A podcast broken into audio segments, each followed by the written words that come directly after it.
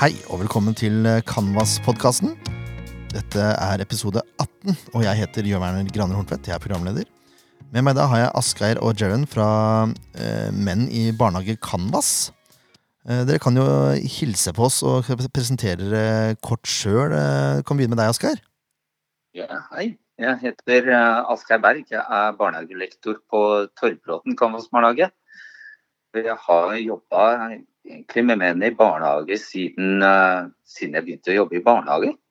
Jeg blei uh, dratt med faktisk i MIF-arbeidet i 1998 i Asker. Uh, og den gangen så var vi vel rundt 5% menn i de kommunale barnehagene der. Og siden så har det gått slag i slag. Jeg har jobba mye med det i Asker, noe i Trondheim. Vært uh, litt involvert i uh, Canvas. og vi har jo klatra sakte, men sikkert opp til å være nærmere 13-14 på landsbasis, tror jeg, og nesten 20% i Canvas. Mm. Så noe er det som skjer, men det har tatt mange år. Ja. Det har det. Og du Dajern, hvem er du? Uh, jeg heter Garen Tangi. Jeg er uh, barnehagelektor også, uh, nå nylig. Jobber i Damsgård Krambers-barnehage i, i, Bergen. Jobbet i barnehage siden 1998. i litt i naturbarnehage, også i andre barnehage. Før det var jeg i militæret, i en nesten utelukkende mannlig uh, miljø. Um, og jeg er litt fascinert over likhetene mellom de to uh, miljøene. Jeg har vært, uh, litt, hatt litt å gjøre med menn i barnehage i Bergen kommune, når jeg jobbet for kommune, og også med i Menn i barnehage Canvas nå. Mm. Vi kan jo si litt først om Menn i barnehage Canvas, for det er en ganske nyoppretta um, gruppe med, med representanter fra begge kjønn og fra uh, flere forskjellige barnehager. Og grunnen til at den gruppa ble starta, er jo at Kamas har stabilt i mange år hatt rundt 22% menn, men i det siste så har det dalt til ca. 18% Og Kamas har jo som kjent en målsetting om 30% mannlige ansatte. Uh, så nå har denne gruppa da blitt oppretta for å kunne prøve å snu den trenden. Eh, og så er en av, en av, greiene er at Mib Canvas skal få fram hvorfor det er viktig med menn i barnehage. Og det er vel en av grunnene til at dere er med på podkasten. Vi skal få fram akkurat det. Det, det er jo. Uh, det er jo Det er jo en grunn til at vi ønsker å ha menn inn i barnehagen. Uh, det er ikke noe likestillingstiltak for uh, mannlige arbeidstakere, eller uh, fordi det er hyggelig å ha noen karer for arbeidsmiljø. Det er jo en eneste grunn til at Canvas satser på menn i barnehage, og det er jo at de tenker at de er til barnas beste. Mm. Vi, jeg tenker Gerhan har noen sånne veldig spennende perspektiver på det rundt det med hva det gjør med hele måten å tenke på på en arbeidsplass når det kommer et annet kjønn eh, inn. Jeg ble, jeg ble kjempegira når jeg hørte at Gerhan hadde erfaring fra militæret. Jeg sier, yes, ja, her har du faktisk opplevd eh, to arbeidsplasser med stikk motsatt uh, utgangspunkt, men likevel parallellen at det er nesten bare ett kjønn. Mm. Så Det var noe av det første jeg spurte deg om, uh, Geran, hvor du begynte å dra på litt hva du tror det Ja. Du kan ja. gjerne si litt om det. Du har noen spennende tanker rundt uh, barn og medvirkning, og hva det gjør med hele tankegangen vår når vi mm. får inn flere kjønn. Ja, for, for meg så uh, handler det ikke om, om menn uh, Menn er bedre enn kvinner, eller kvinner er bedre enn menn. Det, det handler om at hvis miljø, et miljø er for homogen, hvis menneskene som uh, jobber på et arbeidsplass, uh, spesielt en skole eller barnehage, er for like hverandre, så blir det veldig vanskelig, eller det blir mer vanskelig uh, for folk å komme med nye impulser og, og med um, forslag som ikke stemmer med det som man allerede gjør. Uh, og min, min, erfaring i militæret uh, var, var, veldig lik den erfaringen jeg har hatt i barnehage. Det har hatt uh, bare meg som mann, f.eks. Det er akkurat det samme sånn stillhet. det blir mindre dynamikk det blir mindre rusk i maskineriet. Og rusk i maskineriet er veldig viktig hvis du skal utvikle deg du, som organisasjon. Du kan ikke, alt kan ikke gå på skinner, for da er det ingen, ingen grunn for å forandre på noe. Man må liksom stoppe opp og finne ut hva, hva er det som er ruske, på en måte? Det som er rusk, um, er rett og slett um, spørsmål. Hvor, hvorfor, det? hvorfor gjør vi det? Jeg skal bare, bare skyte inn der at Geir, Geran mener her eh, rusk i maskineriet som en positiv ting. Noe ja. som kan bryte opp og stoppe gruppetenking. Mm. Ja. At ting ikke går på skinner, det er en bra ting. Uh, at, du, at, du, hele tiden um, blir utfordret uh, på en passe nivå. Uh, akkurat som denne flow berømt jeg, kan, jeg, jeg, klarer aldri å si navnet, men Singsent Mehalji, eller hvem det er han uh, forskeren som jobbet med um, motivasjon og flow. Så hvis ting går for lett, så blir folk uh, umotivert og, og, lite kreative. Hvis ting, blir for vanskelig, uh, så blir det ikke bra heller. Men et eller annet sted i midten der er passe med utfordring og passe med nye ideer som gjør at uh, organisasjonen kan utvikle seg, og menneskene i organisasjonen kan utvikle seg på optimal måte. Og det, det gjør man hvis man har en fin et mangfold. Ikke bare kjønn, men på alle måter. Og så, og så har du dette med at barn uh, da har noen å identifisere seg med. Um, som er mer, kanskje mer lik de enn uh, en ellers. Jeg, å ha det samme motivasjonsfaktorene. Uh, jeg, jeg, snakker med Asgeir, tror jeg, om uh, Snakker jeg med deg, Asgeir, om ballongene som sto utenfor uh, konferansesenteret? Nei. Nei. Det tror jeg ikke. OK. Nå, det, det, var to flotte ballong... sånn stolper utenfor konferansesenteret på Gardermoen. Husker dere det? Nei, det, det husker jeg ikke. Nei, ikke helt. Gikk, gikk forbi de hver dag. og, og jeg, jeg, satt de på bussen, og når jeg så de, så begynte jeg mentalt å lete etter et nål. for, for å, å, å, sprekke ballongene. Jeg, det var en utrolig ønske om å sprekke, om å sprekke de ballongene og, og, den, Jeg kaller det for destruksjonslek. Sånn, det er mange som har konstruksjonslek som en konsept. Men det er mange gutter og noen jenter også, som har en, et behov for destruksjonslek. Mm. Der de får lov å knuse, ødelegge, um, finne ut av hvordan ting henger sammen, og hvordan ting ikke henger sammen. Sånt?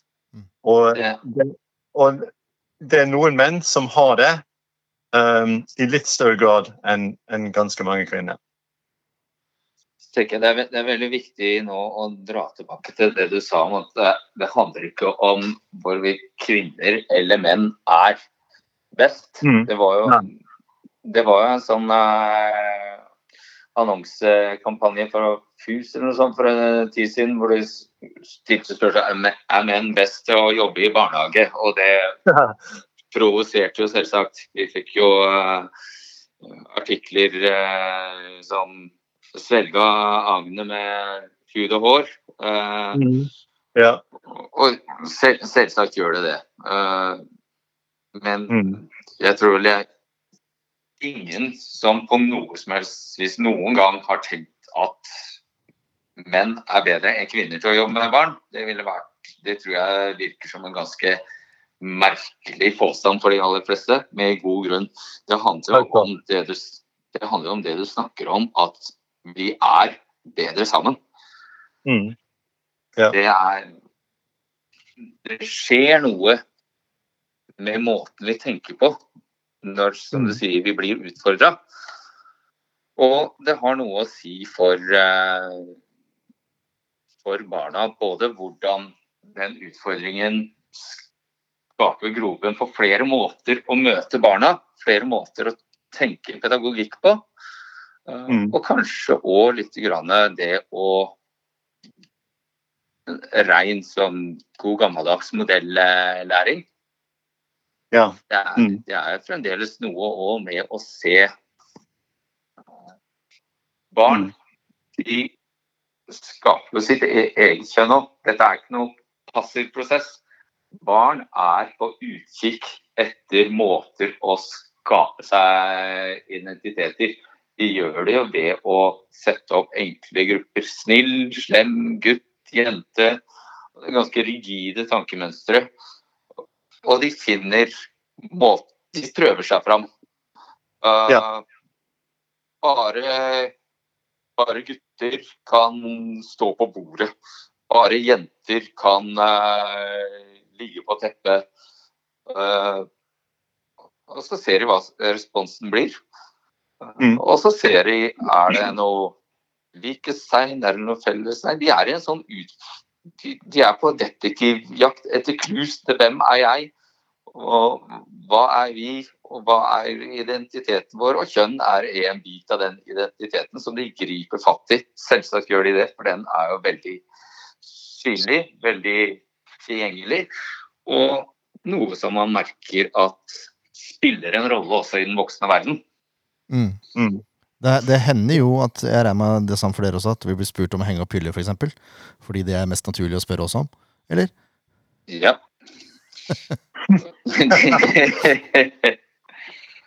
Og det, det tror jeg er noe av det som skjer særlig i starten, når man er veldig få menn. Mm. Uh, for det som skjer, er jo en uh, det, det har jo blitt forska på det at når du er mellom eh, si under 20% av en minoritet Uh, Og nå skal det sies at det sammenligner ikke oss med de fleste minoriteter, for som hvit uh, anglosaksisk mann i uh, verdens rikeste land, så er det vel få mennesker som er mer privilegert enn oss. Men i forhold til det å være en representant for noe, i stedet for å bli sett på individer, så er dynamikken den samme. Hvis du er en bitte liten gruppe, så blir du sett på som en representant for den gruppa, i stedet for et individ.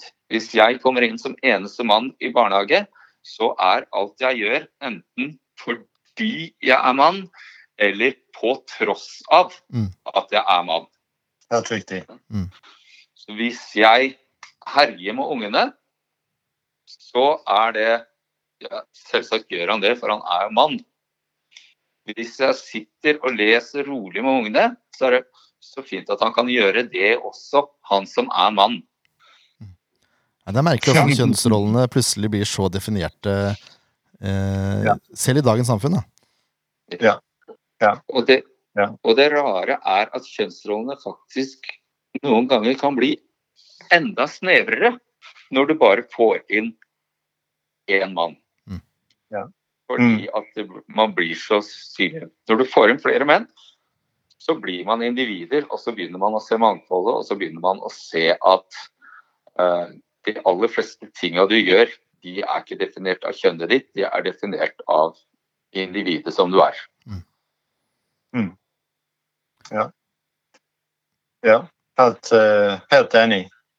Og så, det med ehm, Det med de forskjellige måtene vi tenker på og gjør ting på, eh, har hjerneforskning kommet med masse eh, spennende informasjon om i de siste årene. Og det gjelder både voksne og barn, selvfølgelig. Um, og det er ikke um, Jeg har lest en, en del artikler om det, spesielt, spesielt den danske uh, som heter Anne-Elisabeth Knutsen. Ja, kjempemorsom. Hun er bra, ja. Og, og det, det, det hun, hun skriver om um, at hjernene til jenter og gutter er det samme, men de brukes på forskjellige måter. Sant? At gutter kan gutter bruke en, et område igjen på et problem, mens jenter bruker flere områder. Um, det er den ene tingen. Det er at jenter ofte um, blir mer empatiske enn gutter i veldig stor grad pga. at de oppdras til det at de Hun beskriver det som rovdrift. Det forventes av jenter i så stor grad at de blir empatiske at de må nesten bli det. Uh, mens guttene ja, spørs hvordan du ser på det, men enten slipper de det, eller så, uh, eller så går de glipp av den muligheten å, å presentere seg sjøl som empatiske mennesker. Så det, det er mye, mye interessant um, som hun, hun, kommer med. Og det er jo en av de store forskjellene, tenker jeg, på det å jobbe med kjønn i forhold til barn og barnehager nå, og når jeg begynte en gang for 25 år siden sjøl, må jeg presisere. Men vi, har, vi, vet jo faktisk nå at det er masse forskning på eh, Masse hjerneforskning, masse eh, genetisk forskning, masse forskning på biologisk nivå som viser konkrete kjønnsforskjeller. Både hos mm. små barn og voksne. Ja. Og så kan du spørre hvorfor eh, Hvorfor sitter vi ikke med fasiten da? Hvorfor diskuterer vi det fremdeles? Og det handler jo selvsagt om For det første så er det det er kjempestor forskjell på å kikke på en hjerne og se at det er forskjeller, og forstå hvordan den forskjellen uh, arter seg i praksis. Mm.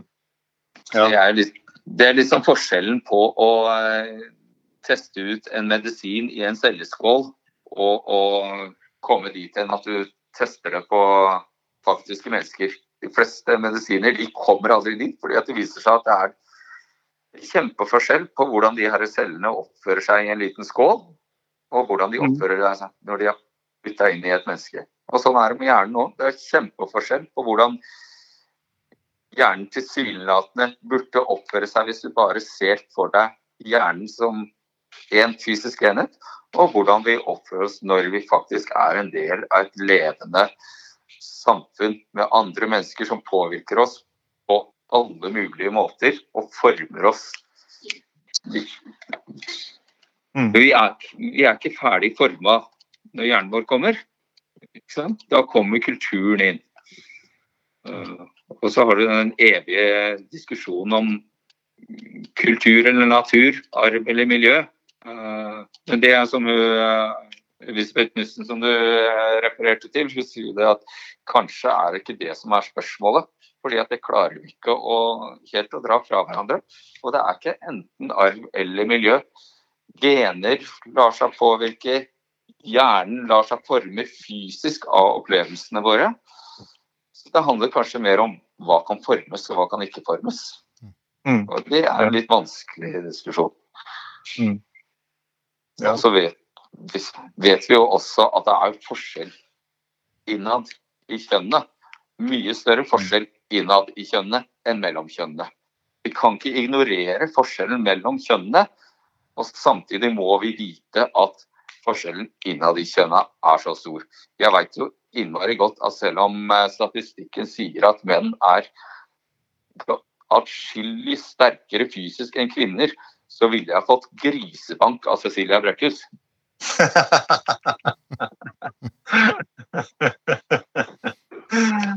det, det, er nok sant. Men kan hende du klart å løpe fra henne, da, Asgeir? det tviler jeg på.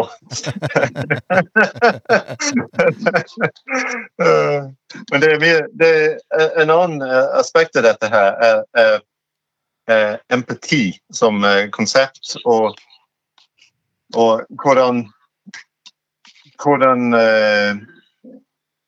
hvordan vi presenterer oss i situasjoner mellom f.eks. Hvis du tenker på en typisk leveringssituasjon, har dere noe å tenke rundt det? Um, vi snakker om menn og kvinner og hvem som er flinkest og ikke flinkest, og det er ikke en, uh, en sak. Um, og det er det jo ikke. Men samtidig så er det noen situasjoner at jeg føler at, at barn trenger litt mer avstand, emosjonell avstand, enn en er generelt sett akseptert. Uh, og en av de er leveringssituasjonen. At jeg har opplevd at veldig ofte de foreldrene som klarer å komme med tydelig kroppsspråk og tydelig mimikk og tydelig ord og sier 'her er barnet mitt', 'her er førskolelæreren din', 'nå skal jeg gå, nå må pappa eller mamma gå på jobb'. De som klarer å gjennomføre det på en forholdsvis strømlinjet, uh, strømmeformet uh, måte, det barnet ofte har det bedre enn et barn som har et foreldre med veldig mye nær emosjoner. Tenker dere det er helt feil, det, eller er det Jeg tenker at i, i leveringssituasjonen så er det lurt med korte og presise avskjeder, sånn som du sier, ja.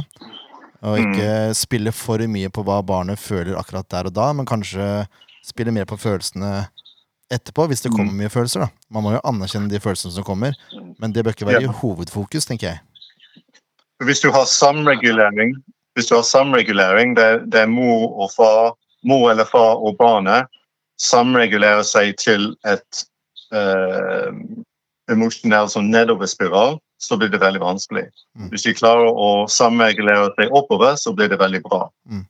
Um, og min observasjon, og vi skal være litt sånn uh, Ja, litt åpen med det min, min, så tar vi deg heller ned. Min observasjon er at uh, kanskje ganske mange fedre uh, i den situasjonen oppleves som litt mer De har litt mer avstand. Kan det, kan det stemme, eller ikke? Prat, Asgeir. Jeg, jeg, tror, jeg, tror, nok jeg, jeg, skjønner litt hvor du skal hen. Uh, klart, de fleste fedre har jo Man har jo alle sin egen måte å si på. Jeg opplever vel at generelt så er det ofte, kanskje oftere at jeg opplever at fedre har en litt kortere måte å gjøre det på om morgenen. Uh, men det er jo bare det er jo bare min opplevelse av det. Mm. Men jeg tenker jo det du er litt inne på, er jo at vi har ja, vi har litt ulike måter gjerne å nærme oss hverandres følelser på. Og noe av det handler også om manns- og kvinnekultur. Og nok mm. en gang så er det som med alle andre kulturer, så er også her forskjellene er større innad enn mellom. Mm. Ja. Men det gir likevel mening for de aller fleste å snakke noe om manns- og kvinnekultur. Og jeg tror de fleste fedre uh, vil kunne oppleve at det å ha en uh, representant for mannskulturen i barnehagen kan gjøre noe med hvor komfortable de er i å ta opp ting, f.eks. Mm. Eller hvor komfortabelt det føles å komme og ikke ta opp ting. Fordi vi, vi, møter hverandre med en annen forståelsesbakgrunn. Både fedre og barna. Mm.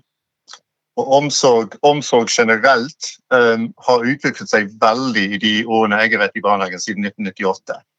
Um, jeg, jeg, igjen, dette er opplevelse av en veldig smalt uh, antall barnehager. Fire barnehager tror jeg jeg jobbet i. Men det har gått fra å være mer eller mindre uh, sånn i øyeblikket um, instantaneous, som det heter på engelsk, uh, og ikke så mye tankevirksomhet, til å være litt mer sånn OK, hva trenger dette barnet? Trenger dette barnet jeg løper inn, plukker den opp, uh, den en god klem med ansiktet inn til meg, uh, eller trenger det barnet at jeg er litt mer rolig bort og sier ja, ja, jeg ser du falt. Hvordan, ja, hvor har du vondt? Klarer du å løfte deg opp? Sånn. I hvilken grad um, sånn, så, Og de, de måtene vi er, vi er, så forskjellige i den måten at vi møter barn i de situasjonene, at jeg føler det gir de større læringsmulighetene. Sånn. Ja. Og, eh, og igjen en mann og en kvinne. Eh, ikke nødvendigvis fordi de er en mann eller en kvinne, men du øker mulighetene for at de blir møtt på forskjellige måter når du har mer mangfold. Jo større, større sannsynlighet for at du har noen som treffer akkurat deg emosjonelt. Hvis Ja. du øker forståelsesbakgrunnen hos de ansatte som er i hverdagen. Mm. Noen som har vokst opp som gutt. Vi må jo kunne si såpass at de vil sannsynligvis ha en bredere gutteerfaring og kanskje forstå noen aspekter av guttekulturen som har oppstått allerede i barnehagen, enn man har som kvinne. Mm. Og Gutter, det, var, det, ja, det er forskning som viser at gutter trøstes eh, over korte tidsrom og med ansikt ut, utover mot ja, vekk, vendt vekk fra omsorgspersonen. Sant? Mens jentene trøstes mer og med ansiktet inn eh, mot, uh, mot brystet. Um, og den, den tenker jeg eh, setter sine spor i, uh, i en kropp og en, et sinn. Um, så så det, det er mye spennende. Sant? så når du da skal gi omsorg, um, så blir det gjerne kanskje litt annen omsorg enn uh, avhengig av hva slags omsorg du har fått. Ikke sant? Det, det selvsagt påvirker måten jeg mottok omsorg på, måten jeg gir omsorg tilbake. Mm. Og det som føles trygt for meg, oppleves kanskje ikke like trygt for andre. Men da er det Mm. forhåpentligvis noen, som, noen andre som klarer å lese det barnet der. Ja. Og, Mm. Og det, dette er jo ting som vi også vet veldig tydelig når du kommer opp i tenåra. Så blir jo en del av de tinga her kjempetydelig. Vi vet jo at det er jo forska på at eh, tenåringer de hører ikke mors stemme like godt. Det er, det er en genuin kjønnsforskjell. Men mors stemme registreres ikke like godt av tenåringshjernen. Det er, ja. Uh, og vi ser jo eh, i alle i alle de her eh, miljøene med gjerne maskulinitet på avveie, så er det jo stadig vekk en farsfigur som gjerne savnes. Eh, og det, det er Gutter og jenter er jo Det er ikke noe vanskelig å se forskjellen på gutte- og jentemiljøer i tenåra.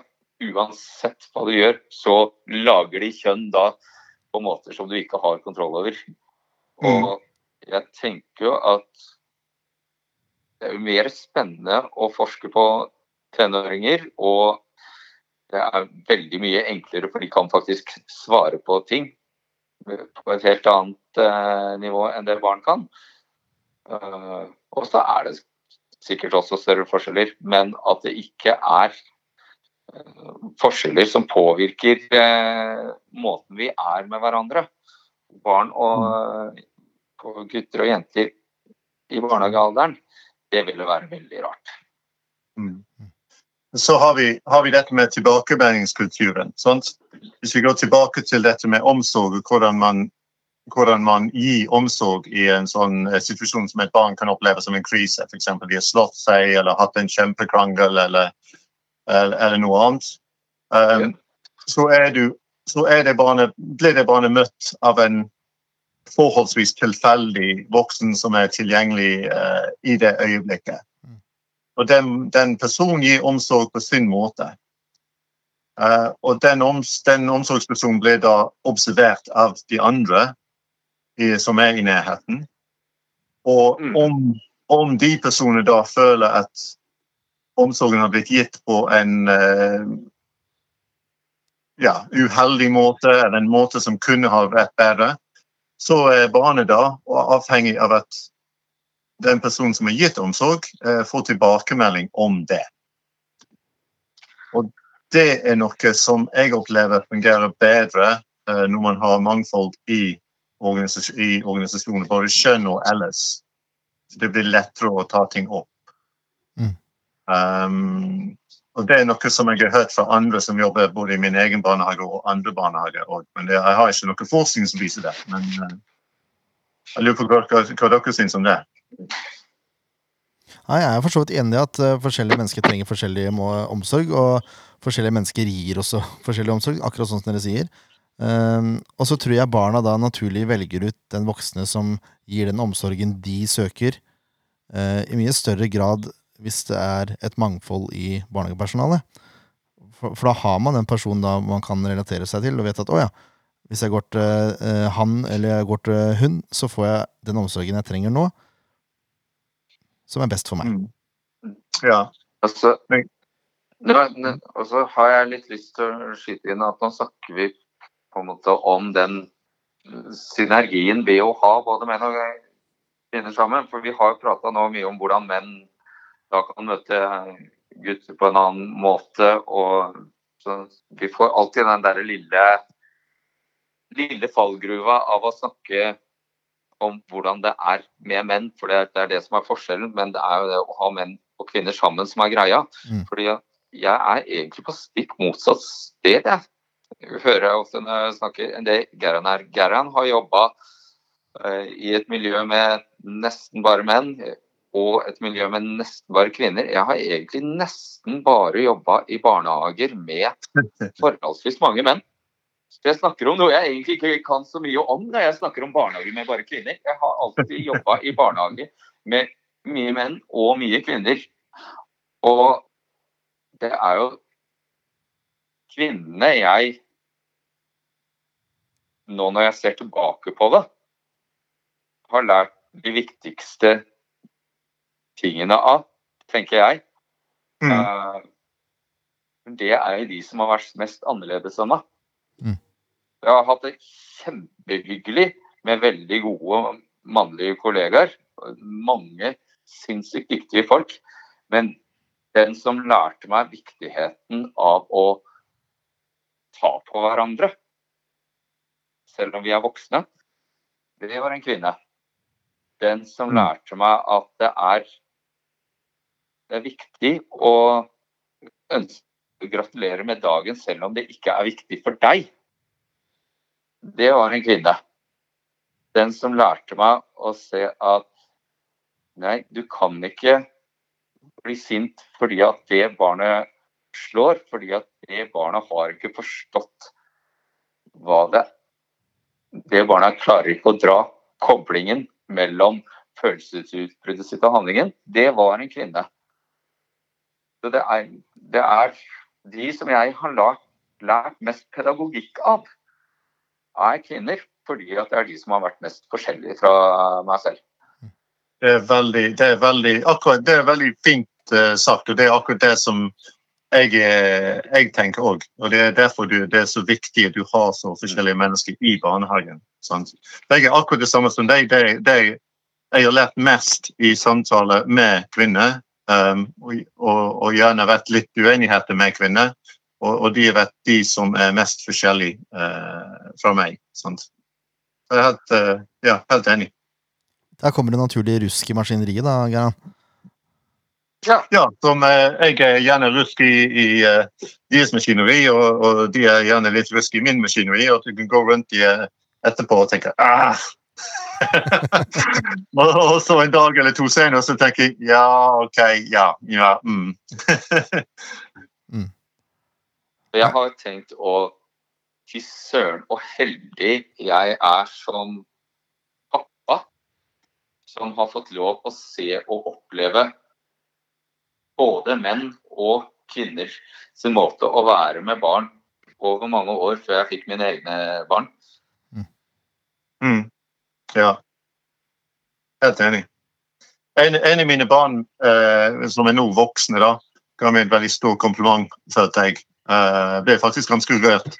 Hun sa til meg at eh, jeg hadde kommet inn i min leilighet eh, etter mine, en av mine ungdommer har hatt en russefest. Og det, det, så, det så interessant ut i leiligheten. Og jeg kom inn og jeg, kom, jeg, kom, inn, og, og eh, ja, jeg eh, hjalp dem med å liksom kalle en av de eh, ungdommene inn i en drosje. og ringte moren til en annen for å komme og hente henne, og så, eh, og så sa jeg ja, men god, da, god natt, og, og gikk inn og la meg. Og så etter, etterpå, neste dag, så sa min datter til meg du, pappa, mine venner lurer på hvorfor du aldri blir sint. og og det, det lærte jeg av, av Ja, jeg, jeg tror jeg, som, som jeg skal si, jeg lærte det av å jobbe sammen med, med gode gode folk i barnehage, og det er stort sett kvinner. Sånn det, det nytter ikke å være sint, uansett. Det, det har ingen funksjon. Men eh, nå har vi skrytt mye av kvinnene, da, med god rette. Hva er, det, hva er det menn bringer inn i jobben vår, da? Annerledeshet. Sånt. Uh, vi, vi, uh, vi kobler sammen på en annen måte. Så vi tenker på en annen måte. Vi er mer løsnings løsningsorientert på en direkte måte enn kvinner, som vi har snakket om. Kvinner bruker gjerne hele hjernen, mens menn bruker ett område. Mm. Um, og, og, da, må, da, må, vi skyte inn igjen uh, nå, nå, snakker Geran om, uh, om statistikk, og statistikk er viktig, og forskjell mellom grupper er viktig. Også på individnivå så blir det meningsløst. Sånn at ja, er, nå, nå, snakker vi om samfunnseffekten av menn inn i barnehage, ikke effekten av at jeg begynte på Torvbråten barnehage. Nei. Nei, sant. Så um, Ja, det, det, er det, er vanskelig, så det er vanskelig å snakke om dette. Jeg syns fremdeles det er vanskelig å snakke om dette her, fordi det er så annerledes og så individuelt. Um, men sånn, ehm, sånn eh, Det er dette med f.eks. hvordan gutter skal møtes um, når de har problemer i barnehagen. Det er litt greit at det er andre som har noen det samme oppbyggingen. F.eks. dette med testosteron. Sant? at vi vet jo at en gutt som sitter i tolv minutter Dette er en veldig fin statistikk. En gutt som sitter i ro i tolv minutter. Han har allerede da bygget opp såpass mye testosteron at han sliter med å sitte stille og konsentrere seg. Og har du en del menn i barnehagen, så skal det veldig mye til at ikke noen av dem instinktivt vet det på kroppen. Ja, precis. Det er ingen som har fortalt det, men uh, selvsagt er det sånn. Dette vet vi. Sånn er det. Dette har kroppen vår erfart. Vi kan, se, vi kan sannsynligvis ikke sette ord på det, vi kan ikke forklare det, men de vet, de kjenner og de føler at nei, nå må du få ut det. For jeg, jeg, skjønner jo godt det. Når du sitter sånn nå, så klart det kribler. ja, sant. Uh, samtidig som jeg vet at den, den, av mine nærmeste medarbeidere nå som sliter mest med å sitte, sitte stille, er en kvinne. Så det er en god, en god eksempel på, på, dette med individnivå og uh, samfunnsnivå. Mm. Så det vi, det, fremmer, det vi fremmer her, er jo mangfoldet først og fremst. Da. Det må vi bare presisere. Det er ja. mangfoldet man er ute etter i en personalgruppe, og en barnegruppe, for så vidt. Ja. Det, er, det er litt som uh, å si at på på samfunnsnivå så vil vi selvsagt ha pedagoger inn i barnehagene.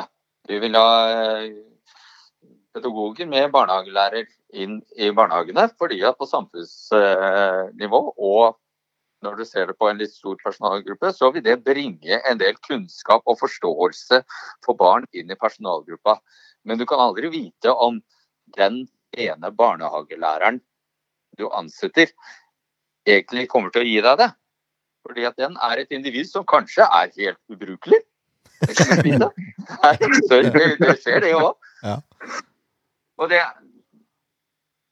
det er litt sånn Hvis du vil Hvis du vil få inn en litt uforutsigbar uh, ting som sannsynligvis vil bringe noe nytt og spennende i personalgruppa di.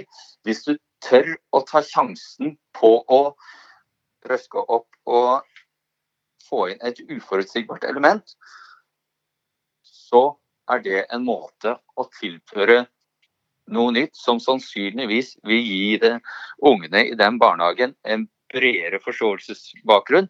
Men du kan ikke tenke at nå får vi inn en mann, så nå blir det mer eh, fotball. Nå får vi inn en mann, så nå blir det mer herjelek. Det kan godt hende, men det vet du aldri. Da er du nede på individnivå igjen. Mm. Men noe, noe kommer du til å få som er helt annerledes enn om du hadde ansatt en kvinne.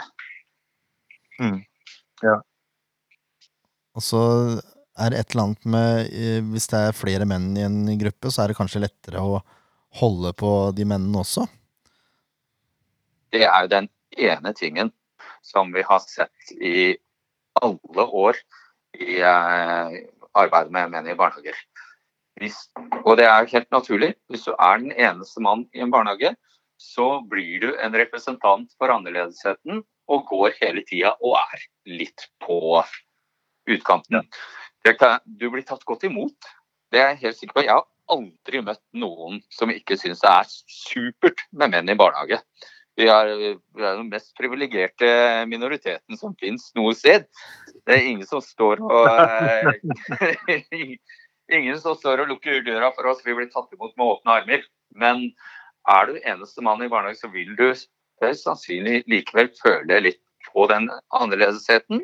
Og at kulturen virkelig fremmed på deg. Og at some point så ser vi at enslige menn i barnehagen pleier å slutte. Og hvis du har en 20-30 menn, så plutselig går det helt av seg sjøl. Mm. Da, har man, da har man et miljø hvor du kan komme inn som mann og være et individ og ikke en representant for mannligheten. Ja, For det er et stort ansvar å bære. Ja, Det er det. Det, er det. Så det, det, som, det som er viktig for å både rekruttere menn og beholde menn, eh, det er eh, styret. Styrenivået. Det, det er helt essensielt at styren går inn for det.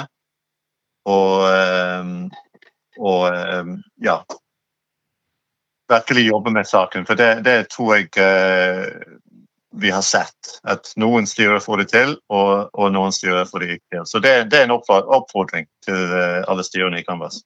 Mm. Da, da må du være litt modig. Da må du tørre å kaste deg ut i noe eh, litt stort og ukjent. Men jeg tenker, er det en organisasjon i eh, Norge som er eh, barnehageorganisasjon som er modig, så tenker jeg at det er Canvas. Vi Mm. tør å satse der hvor vi tenker at det er noe å hente på å bare kaste seg uti det. Ja. Og så sørger vi for, sørger vi for å eh, være faglig eh, oppdatert og se at vi har backinga for de satsingene vi gjør. Yes. Hvis, eh, hvis man trenger hjelp til å rekruttere menn, eller noen tips, eh, hvor kan man henvende seg da? Vet du, Da er vi jo så heldige at vi har en eh, egen uh, MIV-gruppe som vi snakka om i eh, Canvas. For eh, nå prøver vi å få dratt opp det arbeidet litt igjen. Eh, og Der sitter det veldig mange kompetente mennesker som har jobba i eh, flere år med temaet. Eh, både jeg og Geran eh, er der. Og så er det Rasmus Kleppe i Canvas som leder Mm. det nettverket. Og Hvis du sender en mail til Rasmus Kleppe, canvas.no, så kan han sørge for å få videreformidla deg til noen som kan hjelpe deg med akkurat det du har lyst til å eh, jobbe med. Mm. Og så, og så er det en, en god tips til, og det og, og dette gjelder alle vikarer, men spesielt mannlige vikarer hvis man er litt på jakt. eh, å huke tak i, i vikarene. Eh, gir de, eh, gir de veiledning. Um, motiverer de til å komme tilbake og synes at dette er et greit arbeidsplass og et fint arbeidsplass. Og så min erfaring er at um, vi har ofte fått um, fast uh, mannlige arbeidstakere gjennom uh, vikarruten. Sånn er det. Jeg tenker vi Så det Hva skulle du si? Ja, jeg vil bare si eh, helt til slutt at eh, er, jeg må bare få dratt frem det. Gutter og jenter i norske barnehager fortjener å møte både kvinner og menn. Vi, har, vi gir så mye bra i barnehagene, sånn at eh, vi kan faktisk gi dem det òg, hvis vi eh, gøsser litt. Ja, samfunnet på utsida av gjerdet består av 50-50. Så vi kan, eh, vi kan klare 30-70 hvis vi eh, jobber litt for det. Det syns jeg var en helt eh, glimrende måte å avslutte på. Tusen takk for at dere stilte opp, eh, både Geran og Asgeir. Ja, takk for at du kom med. Takk, takk for meg. Så håper jeg at dere som hører på, blir inspirerte til å prøve å uke tak i litt flere mannlige kollegaer. Vi høres.